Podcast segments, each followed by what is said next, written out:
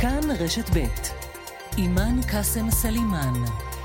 כאן רשת ב'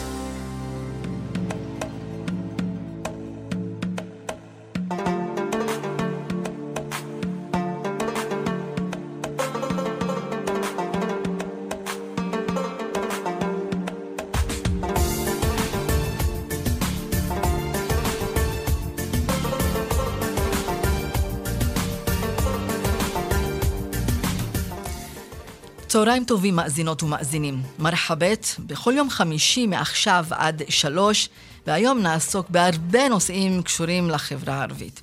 אי אפשר שלא להתייחס לתאונות העבודה. האחרונה שבהן אתמול, עצב רב עוטף את שכונת א-טור בירושלים, שנפרדה בהלוויה המונית משני צעירים, גזי אבו סביטן ואחמד א-סייד. נפלו מגובה של 40 קומות באתר בנייה. אנחנו נשאל מה נעשה ברמה הממשלתית, הממסדית, על מנת למנוע את התאונה הבאה, לאחר שרשרת תאונות שרוב ההרוגים בהן מהחברה הערבית. בתקשורת העברית ובחברה היהודית בכלל, נושא ההאזנות והחדירה לטלפונים תופס כותרות. איך זה שכמעט ואין לו התייחסות בתקשורת הערבית? אולי מרגישים שכבר שנים רבות מאזינים ועוקבים אחריהם. החודש הלאומי להגנה על ילדים ברשת, אינטרנט בטוח לילדים ותלמידים. איך הסכנות האלה חודרות לחברה הערבית? האם ישנה מודעות לגביהן ושיח פתוח במשפחות שיכול להציל חיים ולהציל נפשות? מהי הנוסחה האפקטיבית לקצין במשטרה על מנת לטפל בסוגיית האלימות, ארגוני הפשע והרצח בחברה הערבית? האם הוא חייב להיות ערבי? יש מי ששואל במאמר שהוא כתב, ויחד איתו ננסה לקבל תשובה. מכינה קדם צבאית מפגישה בין ערבים ויהודים, בני נוער שחיים יחד, איך זה משפיע על השקפת העולם שלהם ותפקידם בעתיד. מרחבת, עורכת שושנה פורמן, מפיקה איילת דוידי, על הביצוע הטכני רומן סורקן, ואני אלווה אתכם היום, אימאן קאסם סלימאן, אהלן ביקום.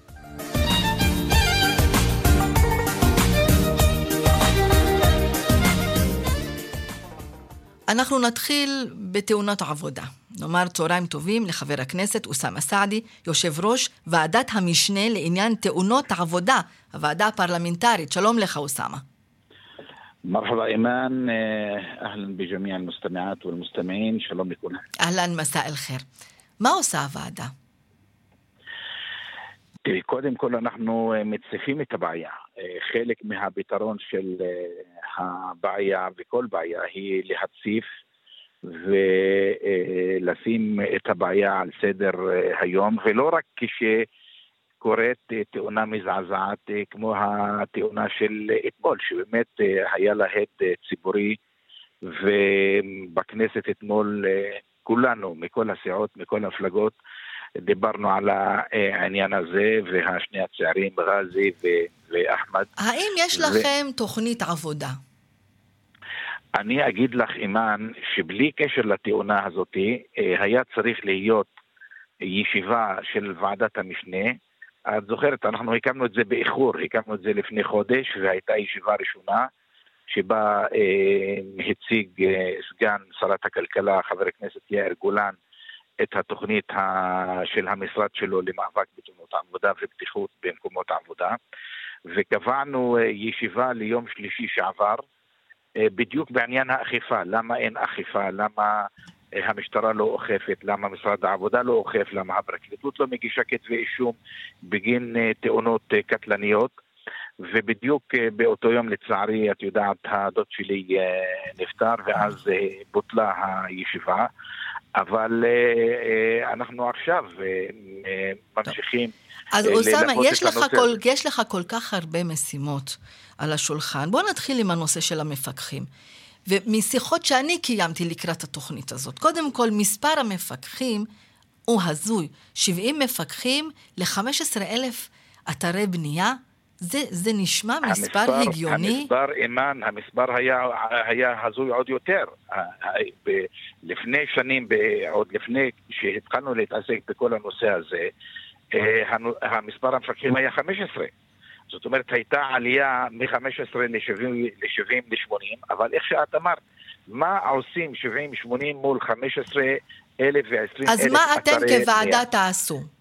אנחנו קודם כל אה, מציגים את הנושא. דבר שני, אנחנו מעלים את כל הבעיות ואת כל הסוגיות. הזכרת את הנושא של המפקחים, אז אמרנו ואנחנו לוחצים לקבל עוד תקציבים על מנת להוסיף את מספר המפקחים. דבר שני, למשל, את כל הנושא הזה של הפיגומים. יש אה, תקן אירופאי שאנחנו כבר שנים מבקשים להחליף את התקן הקיים בתקן אירופאי על מנת, למה אין תאונות קטלניות ופיגומים ונפילה בגובה במדינות אירופאיות? כי יש שם תקן שלא מאפשר אפילו לעובד ליפול מגובה ו... נכון, שם זה נעשה אחרת. אז רגע, אז אתה דיברת על תקנים של מפקחים. על, על סוג של אה, כל הצורה הזאת של שיפוצים ובנייה, אבל יש עוד נושא. ההכשרה, ואני שמעתי עדויות על מנהלי עבודה, על מפקחים, על מה שנקרא עוזר בטיחות, אומרים לי, הם באים לאתר, הם לא יודעים מה צריך לעשות. זה נושא שגם ההכשרות המקצועיות, אני אומר לך, אה, בוועדה הקודמת הצלחתי לגייס אה, מוועדת הכספים חמישה מיליון אה, שקל, שהעברנו את זה לשר אז, לשר הקודם שמולי, רק להכשרות המקצועיות. אני מבין שעכשיו כולם מדברים על הנושא הזה. אה, הייתה אה, יוזמה של אה, השר עיסאווי פריג', שר לשיתוף פעולה אזורי, שאנחנו מאחלים לו החלמה מהירה עם התאחדות הקבלנים, להקים מרכז להכשרות מקצועיות לעובדי בניין. זה נושא שהוא חשוב מאוד. אני הצעתי גם בוועדה שלי וגם בוועדת העובדים הזרים וגם בוועדת הכלכלה בפני השרה ברביבאי לפני שבועיים אמרתי, לא יכול להיות שאתם תעשו, יש יותר מ-80 אלף, 100 אלף פועלים פלסטינים, תתאמו את העניין הזה, יש מלא עובדים מוכשרים פלסטינים, במקום כל התופעה של סחר בהיתרים ושל מתווכים ושל מאכערים, שיהיה קשר ישיר בין משרד העבודה הפלסטיני למשרד העבודה ומשרד הכלכלה הישראלי, ואז הם יכולים לספק עובדים אה, מוכשרים. זה נושא מאוד חשוב. הנושא השלישי שאנחנו אה, אה, אה, דנים פה זה רגולציה ותקנות. למשל, בכל העניין הזה של הפיגומים, לא היו תקנות עד שאנחנו התחלנו ללחוץ וזה וזה, ועכשיו אה, יתחילו תקנות חדשות בחודש אה, הקרוב, חודש מרץ, בנושא... אה, אחריות של החברות ושל הקבלנים. 아, פה אתה נוגע. בעוד נקודה. אתה, מה אנחנו אומרים בערבית? אל-ג'יבה פטוג'ה. יענו כואב כשהם נאלצים לשלם. אם זה נכון. קנס, אם זה פיצויים. עד כה, מה שאנחנו מרגישים, חבר הכנסת אוסאמה סעדי, שקורה מה שקורה, ואחר כך החב, החברות, הקבלנים, הם ממשיכים, ממשיכים לבנות את הבניין, ממשיכים אה, למכור את הדירות, וכאילו הכל עובר דרך... בשלום. כן, כי מצאו דרך לעקוף את כל האחריות ואת כל החובות, ו- ו- ובסופו של יום הם לא מואשמים, לא מורשעים. אתה לא עורך לא דין, כנסות. אתה עורך דין במקור במקצוע, במקצוע שלך. נכון, האם, יש דרך, האם יש דרך ללחוץ עליהם, שהם יבינו שאי אפשר, זה לא יכול להמשיך ככה? הבעיה, בגלל שאני עורך דין ואני טיפלתי בנושאים של ביצועים של נפגעים ושל הרוגים בתאונות עבודה. היום אה, אה, יש, יש עובד שעובד באתר, ש, שנהרג או שנפגע, באים והוא לא יודע אצל מי עובד, כי באים והקבלן, הקבלן הראשי, החברה הראשית, נותנת אה, לקבלן משנה, הקבלן משנה נותן לקבלן משנה שלישי, הקבלן שלישי נותן לרביעי וכך הלאה. בסוף מביאים מה שנקרא תופעה של ראיס מהשטחים, שהוא מביא את העובדים האלה, ואומרים, הוא העובד, אנחנו לא, אנחנו לא המעביד שלו, אנחנו לא המעסיק שלו. הוא המעסיק, כאילו אומרים שהוא המעסיק, וגמרנו את הסיפור. בסופו של, בסופו של יום הם מנסים להתחמק מהאחריות שלהם. יש תקנות, ופה אני פונה לשר המשפטים, דרכך ודרך התוכנית שלך, ואנחנו העלינו את זה, גם העליתי את זה בפני שר המשפטים, ואנחנו מקיימים, נקיים דיון מיוחד על העניין הזה. יש תקנות שנקראות הרחבת אחריות של מעסיק. במובן הזה, מי שמקבל אה, אה, חוזה והוא החברה והוא הקבלן הראשי, הוא לא יכול אה, להעביר את האחריות שלו לקבלן משנה ראשון וקבלן משנה שני. הוא אחראי על כל מה שקורה באתר שלו. התקנות האלה נמצאות במשרד המשפטים. מה שצריך זה ששר המשפטים יחתום על זה, יביא את זה לכנסת, ואז נאשר את זה באופן אוטומטי. אתה שם לב שרוב ההרוגים מתאונות עבודה הם בדרך כלל אה, פועלים ערבים. זה נכון, אני פתחתי את הוועדה הראשונה שלי, אה, הקראתי את כל השמות של ההרוגים בשנת 2021 ובתחילת 2022. הרוב המכריע, לצערנו, הם עובדים פלסטינים, בין אם זה מאזרחים אה, אה, ערבים פלסטינים ובין אם זה מה, מהשטחים הכבושים. יש חלק אה, קטן מעובדים יהודים ישראלים, ויש חלק גם של עובדים זרים. אמרתי אולי... אז אתה אולי... יודע זה מה זה מצריך. זה מצריך קמפיין גם של תודעה, אה, קמפיין של ליווי, גוף שיעזור להם בגלל הנושא של השפה, הקושי בלהגיע, לקבל פיצויים, אישה שהתאלמנה עם ילדים בגלל שבעלה נהרג, או, או למשל אחד שנשאר עם נכות. קשה להם. נכון, ויש פה גם אה, מהנתונים שקיבלנו לקראת הדיון שהיה אמור להיות ביום שלישי. יש פער בנתונים אדיר אימן. אם אנחנו מדברים על בשנת 2021, ישנם 58 אלף אה, מבוטחים עובדים שקיבלו ביצועים, תגמולים מהמוסד לביטוח לאומי, כאשר במשרד העבודה, בזרוע העבודה, יש רק דיווח על 8,000 תאונות. אה, מה עם כל השאר? ולכן פה יש דיווח לקוי, יש חוסר ב, ב, בתקשורת בין ביטוח לאומי לבין משרד העבודה, והכי חשוב, הכי חשוב מה שאמרת, ברגע שאין עונשין, ברגע שאין אכיפה, אין אה, אה, כתבי אישום, אין קנסות בסכומים אה, מרתיעים, המצב לצערנו ימשיך להידרדר ונמשיך לספור. מתי הישיבה גופות. הקרובה שלכם, של הוועדה? זה צריך להיות שבוע הבא. שבוע הבא. אה, כן. רק נקודה בקצרה, אנחנו נמשיך לשלם על חנייה בבתי החולים, מה שאני מבינה. החוק שלכם, שלך ושל דוקטור טיבי לא עבר. לפחות עבר uh, חוק אחר שהוא גם חברתי, שזה ביטול הגבלת רישיונות נהיגה. אני יכול uh, לבשר לך ולכל המאזינים שהחוק הזה התפרסם ברשומות, והחל משבוע הבא, כל מי שהיה הרישיון נהיגה שלו מעוקל, הוא יכול לקבל את זה ממשרד הרישוי.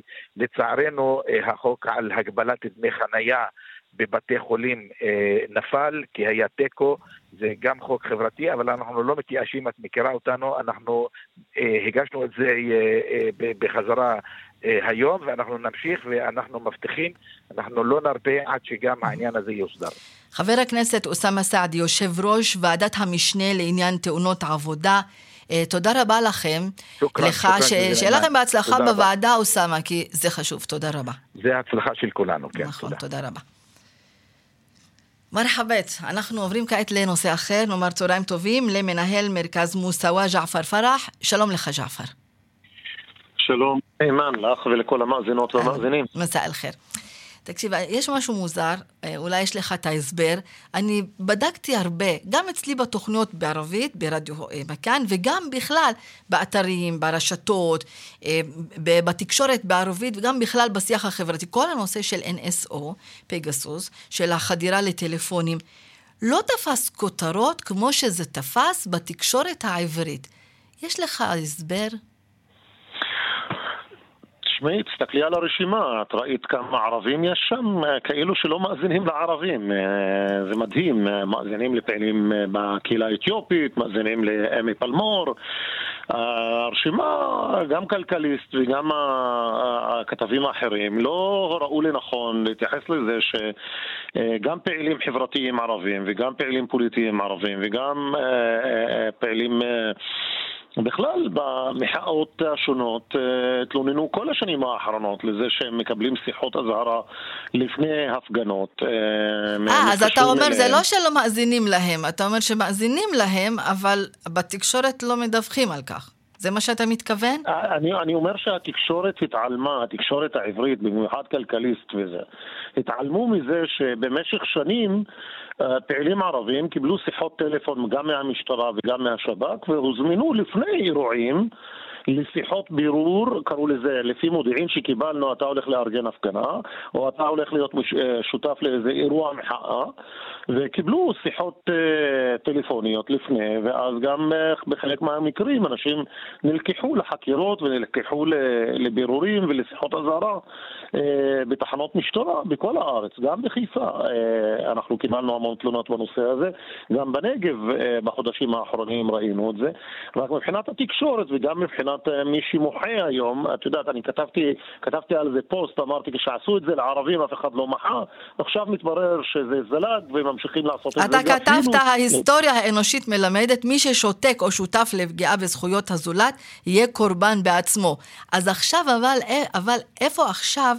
אה, המאבק שלכם גם נגד חדירה לפרטיות, נגד האזנות סתר. האם יש לכם גם קול שותף למי שמתנגדים לכך מהחברה היהודית?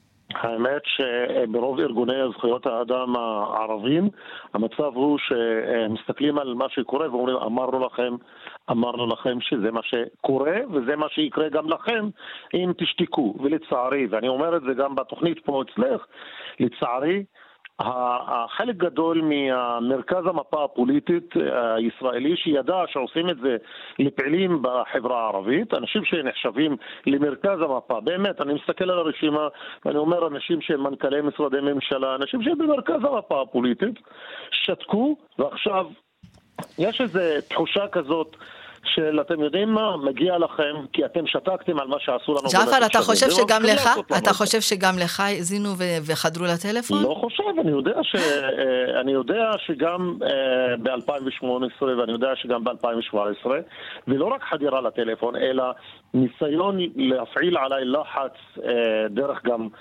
דברים שנעשו לשני הילדים שלי. כן, אנחנו מודעים כן. לזה ש... בואי נגיד שבשנה שעברה עצרו במאי 2019, בשנה שעברה במאי, לקחו את הבן שלי לשב"כ, הביאו צו איסור מפגש עם עורך דין ו... ו... ו... ואחרי 48 שעות שחררו אותו בלי כלום. המטרה הייתה לחץ, להאזין לטלפונים שלי, לראות שאפשר ללחוץ עליי דרך המשפחה שלי, אז, אז, אז השתמשו בזה. אין גבולות, ברגע שאנשים שותקים, אין פשוט שיבינו שכל מי שמאזין וחושב שעושים את זה עכשיו, ומת... אין גבול. ברגע שהם עשו את זה לנו, הם יעשו את זה גם למנכ"לית משרד המשפטים. מנהל מרכז מוסאווה ג'עפר פרח. תודה רבה לך, ג'עפר. תודה. תודה גם לך.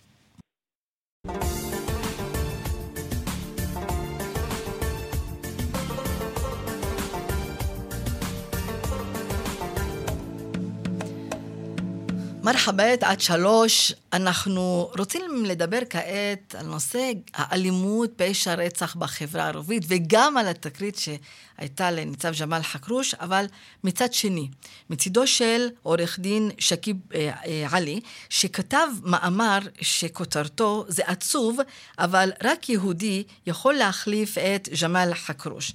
ועוד הוא כתב, מה שעבר בראשו כאשר דילג במדרגות מעל פצוע מדמם, שנדקר דקות קודם לכן, היה עובר בראשו של כל קצין משטרה ערבי שנקלע לאירוע כזה בכפר שלו, תהיה דרגתו אשר תהיה.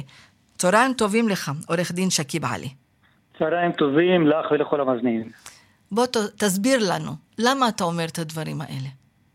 נו, זה לא פשוט. אה, אני אומר את הדברים משום שאני חי בתוך עמי ואני יודע מה שעבר בראשו של ניצב חכרוש כאשר הוא צריך להשליט סדר באותו כפר שבו הוא נמצא.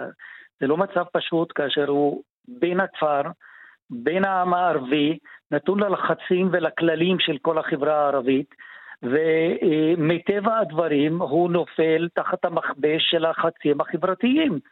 גם אם יהיה האדם העוצמתי ביותר, הוא לא יכול לעיתים לעמוד באותם לחצים, וכאן אנחנו לא מדברים על לחצים של מה בכך, כאן אנחנו מדברים על לחצים של חיי אדם.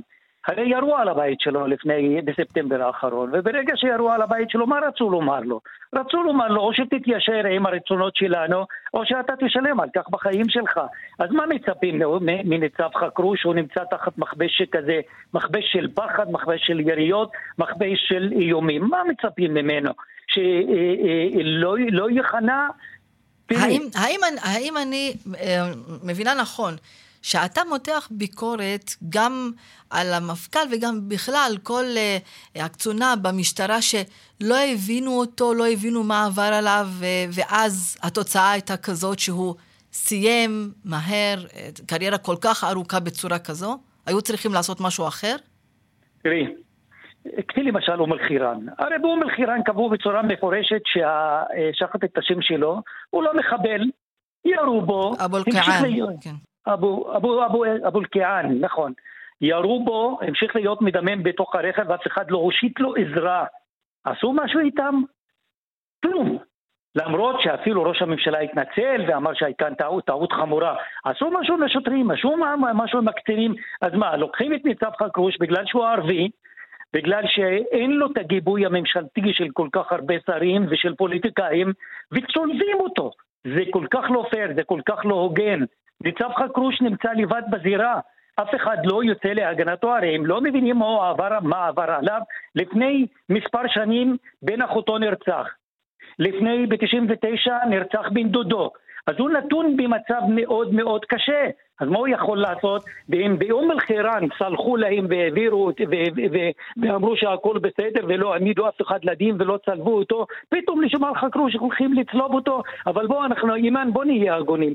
אני כאן לא בא להיות סניגור של ג'מאל חכרוש, אני לא מכיר את האיש, בחיים פעם אחת אולי ישבתי איתו לפני ארבע שנים לחמש דקות, לא מכיר את האיש, בכלל לא, לא, בכלל לא מכיר אותו. אז זה לא מתוך חברות שאתם חברים. לא מתוך, אני לא מכיר את האיש, הוא מכפר אחר ואני ממקום אחר, אני לא מכיר אותו, אני כתבתי את מה שכתבתי כי אני מאמין במה שאני כתבתי, והטענות שלי היא לא רק כלפי מצטני המשטרה, הטענות שלי הן גם כלפי כל מדינת ישראל, אז מה, מה יש לנו כאן? אילו היה שם על חכרוש קצין יהודי ויורים על הבית שלו, את יודעת, בסופו של דבר תפסו אותו, אבל אילו היה מדובר קצין יהודי, מדינת ישראל הייתה עומדת על הרגליים יומם ולילה, כל כוחות הביטחון היו פועלים כדי לתפוס את המפגעים וכדי לגונן על אותו קצין, היו עושים שמיניות באוויר, אבל ברגע שמדובר בערבי, אז לא הופכים את העולמות כמו שעושים. שקיב עלי, אז, אז אולי מלכתחילה, אולי מלכתחילה הוא לא היה צריך לקחת את התפקיד. שאלה מאוד חכמה, אני חושב שג'מאל חכרוש טעות חמורה שקיבל על עצמו את התפקיד הזה, ואני חושב שמדינת ישראל והמשטרה טעתה שהכניסה אותו ללא האריות. למעשה, הם מלכדו אותו, אמרו לו תשב על מטען. איך הוא יכול לפרק מטען כשהוא יושב עליו? פה מי שאשם כאן, מי שנתן לו את התפקיד, והוא גם אשם בכך שקיבל על עצמו תפקיד כל כך טעון וכל כך רגיש וכל כך מסוכן. במקרה כזה היה צריך להיות שם קצין יהודי, ולצערי הרב, אגב, הכותרת של המאמר הייתה צריכה להיות אחרת. היו צריכים לכתוב אה, עם כל הצער שבכך אילו היה מדובר בקצין יהודי, מדינת ישראל הייתה נותנת לו גיבוי כמו שצריך. ככה אומר הכותרת, אני לא קבעתי את הכותרת. אני, הכותרת שלי הייתה אחרת. אבל בכל זאת, בכל זאת, שקיב. יש כאן משהו מפריע, שעוברים ליד גופה ואפילו לא, לא בודק מה קורה איתו. חד וחלק, אימן חד וחלק, וגם המאמר פתחתי אותו, ואני חושב שג'מאל חכרוש טעה טעות חמורה ברגע שהוא דילג מעל אותו פצוע. את יודעת מה, הוא כבר נמצא בלא האריות, תילחם באריות. אתה נמצא שם בתפקיד הזה, תילחם בו, אין מה לעשות. אתה רוצה לשנות משהו, או שתתפטר, תחזיר את המפתחות, שימנו מישהו אחר. אבל כל עוד ואתה נמצא בתפקיד הזה, היית צריך לעצור, היית צריך לקבל פיקוד, והיית צריך להתנהג כמו שוטר וכמו קצין. אבל אני לא בטוח אם קצין אחר במקום ג'מאל חכרוש היה מתנהג אחרת, אני לא בטוח. שקיב, אתה משאיר אותי עכשיו עם הרבה שאלות פתוחות לגבי משהו מהותי שאנחנו תמיד שואלים אותו. אומרים, אה, אם יש מישהו בתפקיד שהוא מהחברה הערבית, הוא יכול לטפל יותר טוב בסוגיות שקשורות לחברה הערבית, כי הוא בא מאותה חברה, כי הוא מבין אותה מבפנים. אתה עכשיו מנפץ לי את התיאוריה הזאת, ואתה אומר, לא, עדיף שזה יהיה מישהו מבחוץ. והאם זה גם אתה לוקח את זה גם לראש רשות, אה, ראש מועצה מקומית, ראש עירייה, כי מדובר במכרזים, יש שם, גם אנחנו שמענו על מקרים שרוצים להוציא את המכרזים מהרשויות המקומיות בגלל הלחצים האלה על ראשי רשויות שהם מאותו כפר ומאותן משפחות. מה אתה אומר? תראי, את התפרצת לדלת פתוחה. עמדתי בעניין הזה, שתחלקי את השאלה שלך לכמה, לכמה מרכיבים. יאללה, תח... אז אתה תחלק. אני, אני אחלק, תלוי מה התפקיד. ככל שמדובר בתפקיד שאיננו טעון, איננו מסוכן, אין בו איומים ואין בו לחצים משפחתיים, אין שום בעיה שבין אה, בין, אה, אה, בין, בין היישוב, בין הכפר, מהציבור, כן ימלא את התפקיד. ותקחי, יש לך כל כך הרבה ערבים נמצאים בתפקידי מפתח, שופטים, שוטרים וכדומה. וכדומה, הם ממלאים את תפקידם בצורה מצוינת לחלוטין, כי אין שם את האיום על חיי אדם. אבל כשמדובר בראש רשות, לצערי ראשי הרשות נופלים תחת מכבישים כל כך קשים של לחצים מהמשפחה. הרי איך הם זוכים בתפקידים? עם כל הצער. זה בגלל שהמשפחה אה, אה, אה, בחרה בהם. אם מישהו יש לו משפחה של אלף איש והוא נניח לא יודע קרוא וכתוב ומגיע לשם איזה פרופסור ורוצה להתמודד מולו בתפקיד, הפרופסור מפסיד והוא זוכה בתפ... בתפקיד ולכן הוא, ברגע שהוא מקבל את התפקיד ונהיה ראש מועצה הוא חייב למי שהביא אותו לאותו, לאותו תפקיד. הוא נמצא בבעיה, הוא נמצא תחת מכבש של לחצים ובמקרה כזה עכשיו אני שמעתי אגב שהם מוציאים את המכרזים, מעבירים אותם אה, לשלטון המרכזי כדי שידונו בהם ויחליטו מי זוכה ומי לא, אבל גם שם תישאר הבעיה קיימת. תכף אני אסביר למה שהפתרון הזה לא יפתר את הבעיה. אה, ולכן אה, לגבי ראשי רשויות, ייתכן שיש חלק מהתפקידים, כמו מכרזים וכמו דברים אחרים, שצריך להוציא אותם, ולו בכדי להציל את ראשי המועצות, את ראשי הרשויות, להציל אותם מאותם, מאותם לחצים. זה מה שצריך לעשות אה, בעניין, בעניינים אה, כאלה ואחרים. אבל לא כל דבר מוציאים אותו לשלטון המרכזי. ראשי הרשויות יכולים למלא את התפקיד הביצועי שלהם בצורה הטובה ביותר, אבל במקומות שהם עלולים להיות נסחטים, ראוי שהשלטון המרכזי ייכנס לתמונה וייטול את המושכות והוא יטפל בנושא. אבל אם את עניין המכרזים, את חושבת שהשלטון המרכזי פתר את הבעיה? הוא לא יפתור את הבעיה, כי בסופו של דבר השלטון המרכזי יבחר את הקבלן שצריך לבצע את העבודה של המיליונים, יבואו אותם... נקווה שגם שם לא תהיה שחיתות, אז... אה, לא, זה... שם אולי לא תהיה שחיתות בבחירת הקבלן, אבל איפה תהיה השחיתות?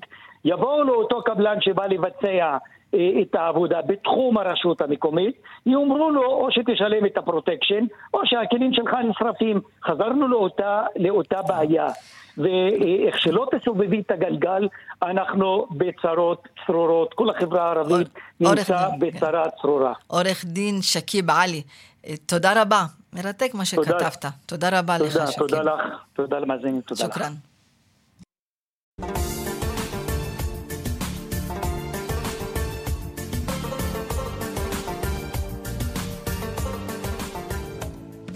מרחבת, אנחנו איתכם עד שלוש. מכינת שער לאדם של בית יגאל אלון היא מכינה חילונית ייחודית בארץ, בה לומדים חניכים יהודים וערבים ביחד.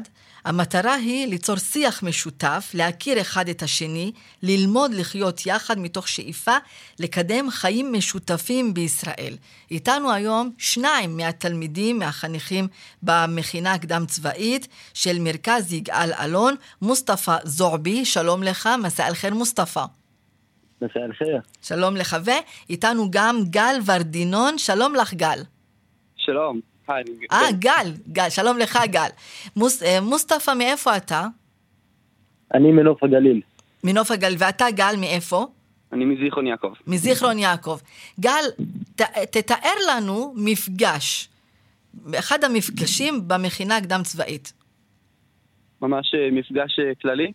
כן. על מה אתם יושבים? אתם יושבים, מתחילים לדבר, תתאר לנו מה, איזה שיח קיים ביניכם.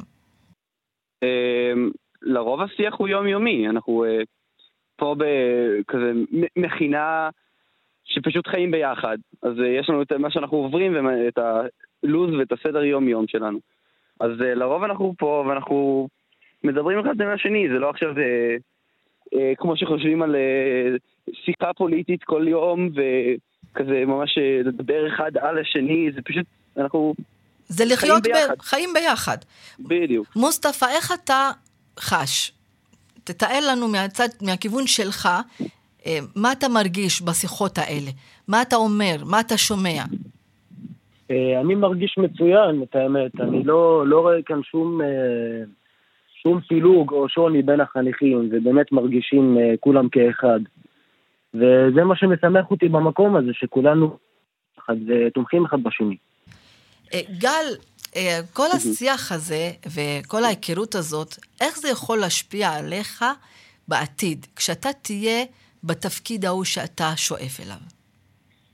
אה, אני חושב שקודם כל, מה שזה עוזר לי זה היותי כבן אדם. זאת אומרת, אה, ההיכרות שלי עם עוד אה, אזור, עוד איזו קבוצה מאוד גדולה בחברה הישראלית, שאני יכול להגיד בכנות שעד לפני, כאילו, המכינה, לא היה לי כמעט ושום היכרות. הייתי נכנס לכפר שנמצא ליד זיכרון, סורדיס, הייתי נכנס כדי לקנות משהו ויוצא, אבל ההבנה שלי העמוקה לא הייתה באמת, וההיכרות העמוקה לא הייתה באמת. ואני חושב שהתחושה הזאת היא תחושת נוחות, תחושה של יכול להיות לי קשר עמוק עם מישהו מתוך החברה הערבית, אה, מתוך הדבר הזה, אני חושב שזה הדבר הכי, אה, הכי כאילו, הכי טוב שלמדתי פה. ואתה, ואתה מוסטפא, למה אתה באת למכינה כזו? אה, קודם כל, להגיד את האמת, אני בכלל לא חשבתי על להיכנס למכינה קדם צבאית, רציתי ישר להתגייס לצה"ל, ושמעתי את הסיפור של המכינה מאחד המדריכים, ובאמת התרשמתי, ולא ידעתי שיש לנו, שיש לנו מסגרות כאלה בארץ, ובאמת התרשמתי לטובה. ומכיוון שאני מאוד תומך בחיים המשותפים בין החברה הערבית לחברה היהודית, אני החלטתי להצטרף למכינה, ובאמת, אני תומך בזה עד הסוף. אבל אתה בא ממקום שגם ככה יש ערבים ויהודים שחיים ביחד. נכון. איך הרקע הזה, במה הוא עזר לך? כי זו, זו לא פעם ראשונה שאתה נפגש עם צעירים יהודים. לא, זה לא מוזר לי, אבל uh, מאוד, חשוב, uh, חשוב לי מאוד לקדם את, ה, את השילוב בין שתי האוכלוסיות. ואני מאוד תומך בזה. גל ורדינון זה, זה לא קל, התפקיד שאתם תהיו בו אחר כך בצבא, זה לא קל. נתקלים גם במקרים שמצריכים הרבה רגישות, אה, גם להבין את האוכלוסייה שמולך, במיוחד כשמדובר בשטחים. אה, אם ניקח לדוגמה התקרית שהייתה עם עומר אסעד בן ה-80 מצפון רמאללה, ש... שנפטר וכל התקרית הזאת. מה, מה אתה חושב כ... כחייל לעתיד? ואיזה שירות אתה רוצה לעשות. מצד אחד זה הביטחון, אבל מצד שני זה להיות אנושי. אה, אני חושב שאמרת את זה, יש פה עניין של ביטחון. אה, אין, אין יותר מזה, זאת אומרת, אה, התפקיד שלי כחייל זה בסוף לשרת את המערכת של הצבא. ואני צריך לעשות מה שצריך כדי באמת לשמור על המדינה, שיהיה פה ביטחון אמיתי לכולם, לא משנה מי. וזה צריך להיות הגבול, כשזה בא לביטחון, וצריך אה, אבל האם מכינה כזאת, האם מכינה כזאת שמפגישה בין ערבים ויהודים, נותנת לך לראות את הדברים בפרספקטיבה נוספת? אה, אני חושב שכן. לא רק שגם נפגשנו, היה לנו כל מיני מפגשים שגם דיברו על הצד הפלסטיני, אה, וגם אתה מתנחל. יש כל מיני צדדים שפגשנו, ואני חושב שזה... מאוד נתן לי כאילו דעות ודברים חדשים, זוויות אה, שונות על, ה, על המציאות. במיוחד כשאתה ו... מול אוכלוסייה בעצם של נכון. חיי יום-יום. אה, מוסטפא, מהצד שלך, זה שאתה ערבי ומתגייס, מה אתה חושב? מה, מה אתה רוצה לעשות? גם עם, עם מה ששאלתי את גל, על האיזון הזה בין שני הדברים, ביטחון מצד אחד, אבל יש לי מולך עם, אוכלוסייה, אתה יכול אה, להיות מול אה, איש זקן, אתה יכול למצוא את עצמך על מחסום עם, אה, עם נשים בהיריון. איך אתה מסתכל על הדברים ואיך המכינה הזאת מכינה אותך למקרים כאלה? קודם כל, לפני זה שאני ערבי, אני בן אדם, זה לפני הכל, ואז אני חייל. זה לא קשור לזהות שלי או לדת שלי. אה, אני, אני עושה את העבודה שלי כמו שמבוקש ממני, ובאמת אה, אני לא חושב שיש קשר בין אה, זה שאני ערבי לבין זה שאני פוגש ערבי במהלך התפקיד שלי. אז אה, זה לא כל כך... אה, מה, מה אתה מרגיש שאתה מוסיף בשיח שמתקיים במכינה אצלכם לצעירים שנמצאים איתך במכינה? מה אתה אומר להם, דברים שחשוב לך שהם ידעו על החברה הערבית לפני שהם מתגייסים?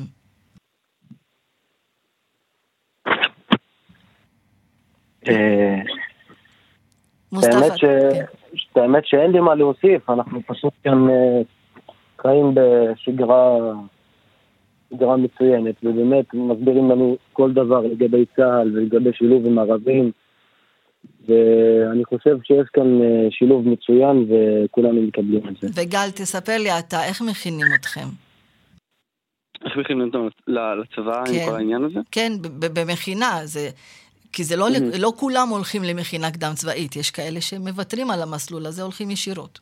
נכון. אני, אני אוסיף גם שהמכינה שלנו היא גם אה, מכינה קדם אקדמית, לא, לא כולם פה הולכים לצבא, אבל כן הרוב. אה, אני חושב שמה ש... לפני צבא, לפני אקדמיה, לפני זה, המכינה הזאת היא מכינה אה, שמכינה אותנו לחיים. ויש פה מסר מאוד ברור, יש פה, כולנו פה אנשים, יש לנו, ו, והדבר הקריטי הוא זה שכל אחד מגיע פה מתרבות שונה, מקום שונה, גדל על ערכים, יכול להיות שהם שונים, וכל מה שצריך לעשות זה לנסות להבין אותם קודם כל, לתקשר אותם, לראות איך כולם מרגישים. ו- ולנסות לגשר עליהם, אה, שזה לא דבר פשוט. ספר לנו אבל... קצת על הצוות במכינה. על הצוות? כן.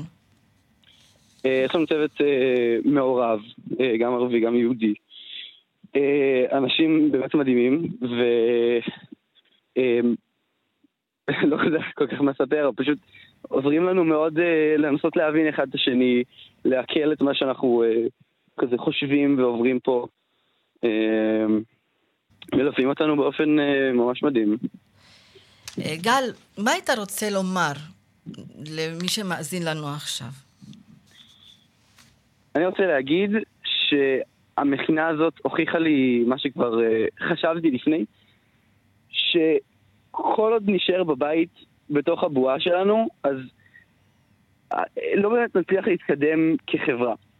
אנחנו די תקועים באיך שגידלו אותנו, וזה בסדר, גידלו אותנו איכשהו, אבל יש אנשים שגידלו אותם בצורה שונה, ואם לא נבין איך גידלו אותם, ומה הם חושבים ומרגישים על כל מיני דברים בחיים, לא נוכל להתקדם כחברה ו- ולהצליח לגשר על סכסוכים ופערים שיש לנו כבר הרבה מאוד זמן. אז לצאת, לצאת מהבועה הזאת ולפגוש זוויות ודעות חדשות שאנחנו לא בהכרח מסכימים איתם, אבל צריכים לכבד אותם. כי זה אנשים שעומדים בצד השני. מוסטפא, מה אומרים לך בבית? אה, בבית אה, מאוד אה, תומכים בי על זה שהחלטתי להצטרף למכינה קדם צבאית, במיוחד שזה משלב בין שתי האוכלוסיות, וגם להם, וגם להם זה חשוב. גם להם זה חשוב שנחיה כולנו ביחד, וש... ושלא יהיה בינינו פילוג, ושבאמת נדע לסדר אחד עם השנייה. ואבא, ואבא שלי שוטר במשטרת ישראל, והוא באמת מלמד אותי הרבה לגבי אה, לתרום לביטחון המדינה ולאזרחיה, ו... וזה מאוד, משהו שמאוד מאוד חשוב לי, וכן, אני חושב עליו ביום יום. מוסטפא זועבי, גל ורדינון, המכינה הקדם צבאית של מרכז יגאל אלון. תודה רבה לשניכם. תודה רבה. תודה רבה לך. המשך יום טוב.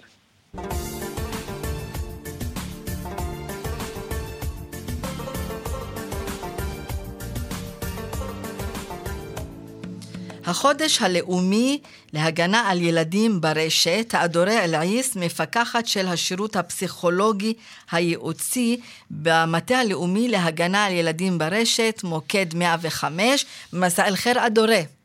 מסע אל-נור אימאן, הלאה הלאה. הלאה, שלום לך. אמ, מה קורה בחברה הערבית? האם יש מודעות לנושא הזה? האם יודעים מספיק שהילדים, גם שלהם, חשופים, גם אם יש משפחות שהן שמרניות, גם אם אנחנו עוטפים את הילדים שלנו מאוד? אז ככה, קודם כל מה שקורה בחברה הערבית ומה שקורה בכלל בחברה זה באמת האינטרנט והרשת נכנסו חזק לחיים שלנו. הרשת היא כאן כדי להישאר וגם כדי להתעצם. ובני נוער בחברה הערבית, כמו בני נוער בכלל, צורכים את הרשת. ואם אנחנו רוצים להתמקד בחברה הערבית, אנחנו רואים שבחברה הערבית הרשת נותנת אה, מענים לצרכים רגשיים, התפתחותיים, פסיכולוגיים, שאולי במרחב הפיזי, פנים אל מול פנים, הם נחשבים טאבו ולא מקובלים, וברשת יש אשליה. אשליה של מוגנות, אשליה שההורים לא נמצאים שם, מבוגרים לא נמצאים שם, ואז ילדים יותר אה, מרשים לעצמם לשלוח תמונות, להגיד דברים, להתנהל בצורה שלא היו מתנהלים אה, כמוה במרחב הפיזי. איך אתם, איך אתם מנהלים את כל הנושא הזה בחברה הערבית? האם יש משהו ייחודי או דרך אחרת כדי ליצור את הקשר עם המשפחות או עם התלמידים והילדים עצמם? כן. אז באמת אה, אנחנו רואים אצלנו במטה הלאומי ובמוקד 105 שהפניות הולכות וגוברות, יש יותר פנייה למוקד, יש יותר מודעות, אבל עדיין, עדיין אה, אנחנו רואים שיש פער, פער בין הורים לילדים, הפער הבין-דורי הוא גדול. אה, הורים לא תמיד אה, מרגישים עצמם כסמכות או גוף ידע שילדים יכולים לשאול אותם, לפנות אליהם. גם ההורים אומרים, אבל אני לא יודעת איך הרשת עובדת. אני לא יודעת, הבת שלי כל הזמן בבאבג'י, היא לא יודעת במשחקים, אני לא יודעת מה היא עושה. אז מה שאנחנו אומרים להורים זה קודם כל, הרשת היא מאתגרת אותנו לא רק בנושא הטכנולוגי, יש גם סוגיות ערכיות אתיות. לדוגמה, שליחת תמונות מיניות. אני יכולה להגיד לך שהקטגוריה המובילה בפגיעות בקטינים בחברה הערבית היא עבירות מין. עבירות מין והקטגוריה אחריה היא הפצת תמונות וסרטונים מיניים. אנחנו רואים קלות רבה שבנות וגם בנים מצלמים את, את עצמם תמונות מיניות ושולחים אותם, לפעמים הם שולחים אותם לאנשים מזדמנים שהם רק הכירו ברשת והם לא מכירים אותם במרחב הפיזי וגם אנשים זרים. ואנחנו רואים גם בחברה הערבית את כוחה של השפה. השפה הערבית מחברת בין הילדים בארץ לבין אה, אנשים בעולם, בכל העולם, לא רק פה. Mm-hmm. אז גם החיבור הזה, יש לו פוטנציאל של פגיעה. זה, מגביל, רואים... זה מגדיל ומגביר את הסכנות? בדיוק, בדיוק. אז uh, ילדים הם יצורים חברתיים כמו כולם, רוצים להכיר, רוצים uh, uh, uh, להכיר אנשים מהעולם, מתחילים לדבר איתם, והרבה פעמים הם מוצאים את עצמם uh, בשיחות שהם... Uh, מבקשים מהם תמונות מיניות, הם נסחטים.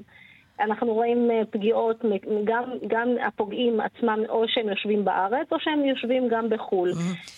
ואדורי, האם, האם כן. המשפחה הערבייה עדיין נמצאת במקום שהם אומרים, אומרים לכם, לא, לא, הילדים שלנו לא עושים את זה, אה, הילדים שלנו לא, לא נסחפים, לא נתקלים כן. בדבר כזה, עדיין יש את ההכחשה הזאת? אה, תראי, החברה הערבית היא מגוונת, אז אנחנו רואים את המגוון בחברה הערבית. אז אנחנו רואים שיש משפחות שמתקשרות ומתייעצות, ויש אפילו משפחות, משהו יפה שאנחנו רואים בחברה הערבית, אפילו דודים ודודות שבעצמם מתקשרים למוקד ואומרים, קרה לנו פגיעה לאחיין, רוצים עזרה, רוצים זה, אז אנחנו רואים גם שיש פניות, זה משהו טוב בחברה הערבית שהדודים ודודות לוקחים גם אחריות ומתקשרים. יש מקרים שהילדים שפונים למוקד לא רוצים שם שהמשפחה תתערב.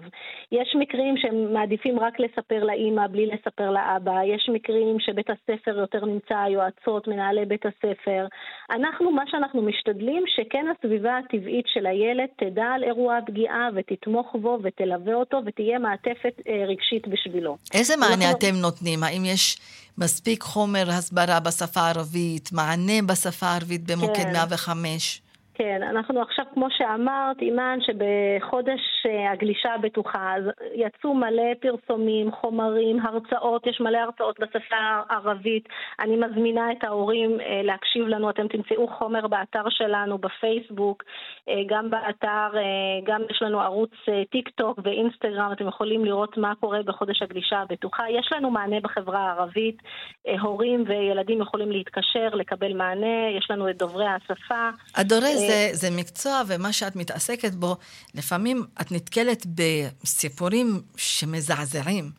כמובן, לגמרי. בלי שמות, אבל כן, תני לי כן. ככה איזה דוגמה או שתיים ממש בקצרה, כדי שההורים יבינו עד כמה הילדים שלנו בסכנה.